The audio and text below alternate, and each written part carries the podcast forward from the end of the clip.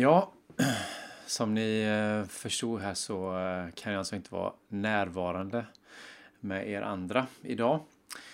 Så eh, ni får hålla till godo med mig i den här formen. Man skulle kunna fundera på om jag är frånvarande eller om vi skulle göra genom detta sättet är på någon slags hybridnärvarande. Kanske att jag är fjärrvarande. Om vi får hitta på ett litet nytt litet ord. Nåväl, vi kan låta den saken vara kanske. Eh, jag ska göra ett försök här att ändå dela med mig ett eh, budskap till er den här söndagsgudstjänsten. Eh, I förra söndagsgudstjänsten så läste vi om Mose som fick en kallelse av Gud. Mose, Abraham och alla de här andra karaktärerna som vi läser om i Bibelns böcker. De som Hebreerbrevets författare kallar för en sky av vittnen vars exempel tjänar som föredömen åt oss genom sin tro och genom sin tillit till Gud och är liksom tänkta att visa på något sätt hur Gud är med oss genom alla prövningar om vi bara vågar lita på Gud och sätta vår tilltro till Gud. De här personerna spelar liksom å ena sidan i en egen division med upplevelser av gudomliga som de flesta av oss bara kan drömma om. Och samtidigt så är det något väldigt mänskligt över många av dem.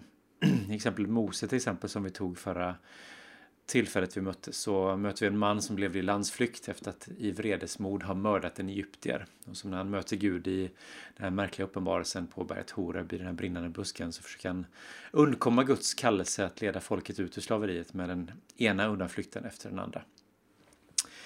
Och historien och litteraturen är ju full av exempel på motvilliga hjältar. Jag tänker att det räcker nästan att vi stannar bara i de exempel som vi möter i Bibeln här för att få gott om sådana. Eh, Mose associerar vi kanske ändå mest med de här mäktiga underverken som han fick vara med och genomföra och vara med om framförallt. Plågorna som drabbade Egypten, Röda havet som delades under Mose utsträckta stav, vattnet som flödade ur klippan mitt i öknen när folket led brist på vatten. Gång på gång bevisade Gud att Gud inte hade kallat fel person, även om Mose nog var väldigt skeptisk till en början. Och när vi tänker på motvilliga personer i Bibeln så är vi kanske det mest kända exemplet Jona i berättelsen om Jonas så möter vi en profet som får en kallelse av Gud att predika omvändelse för invånarna i staden Nineve. Och Jona gör allt för att slippa, vi känner igen det från Mose, men så till den grad att han mönstrar på ett skepp där han hoppas att han ska kunna gömma sig från Gud. Och ni känner säkert till historien. Båten är på väg att förlisa och Jona bekänner för besättningen att ja, det är mitt fel att den här båten håller på att gå under. Så de kastar dem i havet, som man gör. Och han hamnar i magen på en fisk eller en val eller något annat stort som lever i havet. Eh, varelsen kastar upp Jona på stranden efter tre dagar. Och hur Jona luktar efter den här perioden, det förtäljer inte historien riktigt. Vi får använda vår fantasi där, fylla i luckorna. Men Bibeln har också flera exempel på människor som hörsammar kallelse från Gud och gensvarar på sätt som verkligen är föredömliga. När Abraham får sin kallelse från Gud att lämna sin släkt och sitt hemland, det enda han någonsin har känt till, och ge sig iväg till ett land som Gud ska visa honom, då bryter han upp och bara ger sig iväg. Han vet inte, inte, han vet inte ens vart han ska. Om vi ska iväg till en ny plats idag så kan vi promenera runt med Google Street View, vi kan boka boende och upplevelser redan innan vi har lämnat vårt hem. Till och med om vi ska flytta till en ny plats så kan vi ordna det mesta i förväg. Många av oss kan till och med fortsätta jobba med det vi gör via distans. För Abraham så innebar uppbrottet att lämna allt och ge sig ut i det fullkomligt okända. Och finns ett ännu bättre exempel, en mer lysande förebild än Maria, Jesu mor. Hon möter en ängel som säger till henne att hon ska bli havande och föda Guds son. Kan hon ens ana konsekvenserna?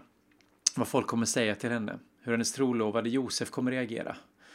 Jag tror faktiskt att hon har en aning. Hon kan nog tänka sig det, föreställa sig det. Och ändå så säger hon, låt det ske med mig så som du har sagt med en totalt oviss framtid framför sig. Men med en aning om att hennes liv aldrig mer kommer att bli sig likt så tackar hon ja till Guds kallelse. Hon ber inte ens om betänketid. För Jona var kallelsen något han försökte stå emot. Men med olika mer eller mer handgripliga medel så fick Gud honom dit Gud ville. Paulus var på väg åt ett håll, som en av de ivrigaste motståndarna till den unga kristna kyrkan. Men när han möter Jesus på Damaskusvägen på ett oerhört dramatiskt sätt så gör han en helomvändning. Saul, som var den mest fruktade seloten av dem alla, han blir Paulus, den ivrigaste missionären. Ständigt gränsöverskridande i sin passion för evangeliet. Jag vet inte hur det är med dig, men för mig var kallelse ett ord som var laddat med mening och laddat med spänning när jag växte upp. Vad är min kallelse? Vad har Gud tänkt med mitt liv? Särskilt under formativa år, kanske som nya i tron eller unga eller i tider av stor förändring i våra liv. Och eller förändringar runt omkring oss. Kanske skakas livet i våra grundvalar, sina grundvalar och vi ifrågasätter om vi verkligen är på rätt plats. Har Gud verkligen tänkt det för mig? Har Gud kanske något annat för mig? Är jag på rätt väg? I dagens text så möter vi en ung man som kommer att spela en avgörande roll i den unga nationen Israels tidiga historia. Vi läser från första Samuelsbokens tredje kapitel. Den unge Samuel tjänar nu Herren under Elis uppsikt. På den tiden var det ovanligt att Herren talade till människor och profetsynen förekom sällan. Då hände en gång följande. Eli, vars ögon nu blivit svaga, så svaga att han inte kunde se, låg och sov på sin vanliga plats. Tempellampan var ännu inte släckt och Samuel låg och sov i Herrens tempel, där Guds ark stod. Då ropade Herren på Samuel. Här är jag, svarade han, och han sprang bort till Eli och sa. Här är jag, du ropar på mig. Men Eli svarade. Jag har inte ropat, gå och lägg dig igen. Då gjorde han det. Än en gång ropade Herren på honom. Han steg upp och gick bort till Eli. Här är jag, du ropar ju på mig. Men Eli svarade. Nej, min son, jag har inte ropat. Gå och lägg dig igen. Samuel hade ännu inte lärt känna Herren och ännu inte fått ta emot hans ord. För tredje gången ropade Herren på Samuel och åter steg han upp och gick bort till Eli. Här är jag, du ropar på mig. Nu förstod Eli att det var Herren som ropade på pojken och han sa till Samuel att lägga sig igen. Och om någon ropar på dig ska du säga tala Herre, din tjänare hör. Och Samuel gick tillbaka och la sig. Då kom Herren och ställde sig där och ropade som förut. Samuel, Samuel! Och han svarade. Tala, din tjänare hör. Då sa Herren till Samuel. Jag ska göra något i Israel som kommer att skrälla i öronen på alla som får höra det. Den dagen ska Eli och hans släkt drabbas av det som jag har hotat med. Allt ska uppfyllas från början till slut. Jag ska låta honom veta att min dom över hans släkt står fast för all framtid, eftersom han har syndat och inte ingripit mot sina söner. Han visste ju att de visade mig förakt. Därför har jag svurit att inga offer eller gåvor någonsin ska kunna sona den skuld som tynger Elis släkt. Samuel låg kvar tills det blev morgon, då han öppnade dörrarna till Herrens hus. Men han vågade inte berätta om sin uppenbarelse för Eli. Men Eli ropade på honom. Samuel, min son. Här är jag, svarade Samuel. Och Eli frågade. Vad sa han till dig? Du får inte dölja någonting för mig. Gud ska straffa dig nu och framgent om du förtiger ett enda ord av det som han talade till dig. Då berättade Samuel allt sammans för honom och dolde inte något. Och Eli sa, han är Herren, han gör vad han vill. Samuel växte upp och Herren var med honom och lät allt vad han sagt gå i uppfyllelse. Det blev klart för hela Israel, från Dan till Beersheva, att Herren hade betrott Samuel med att vara hans profet. Herren fortsatte att visa sig i Kilo. Genom sitt ord uppenbarade han sig där för Samuel och vad Samuel sa nådde ut till hela Israel. Ja, den här texten handlar om en speciell person i en väldigt speciell tid som kallas av Gud för ett mycket speciellt uppdrag. Israel står i en brytningspunkt. Nationen leds med ett system som är benäget att ständigt förfalla i korruption. Folket kommer på avvägar, nya ledare, så kallade domare, måste tillsättas som styr upp situationen för att sedan falla av från de rätta vägarna och hela processen går ett varv till. Det är en ond cirkel som liksom aldrig riktigt bryts. Och här får Samuel vara en katalysator för förändring. Han går till rätta med det korrupta prästerskapet, han smörjer Saul till landets första kung och när denne går vilse så är han den som utser en ny kung. Och det är en person som de flesta av oss är bekanta med. Kung David.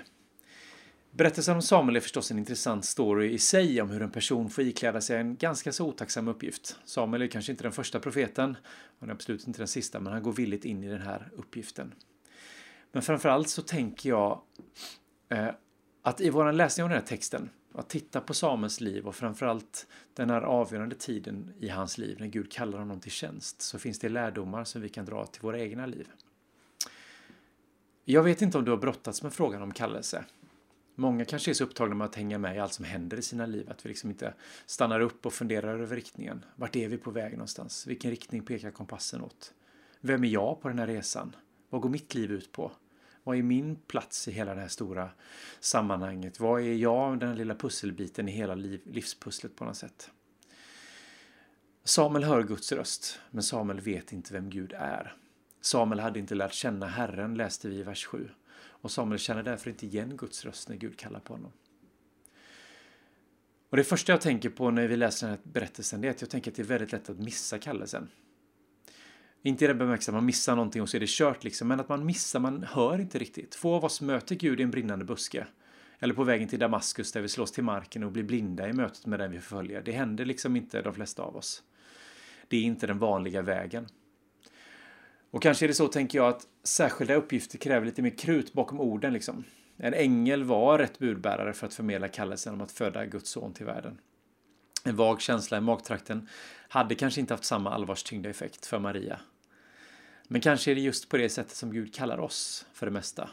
En vag känsla, en aning, en tendens, någonting som drar i oss.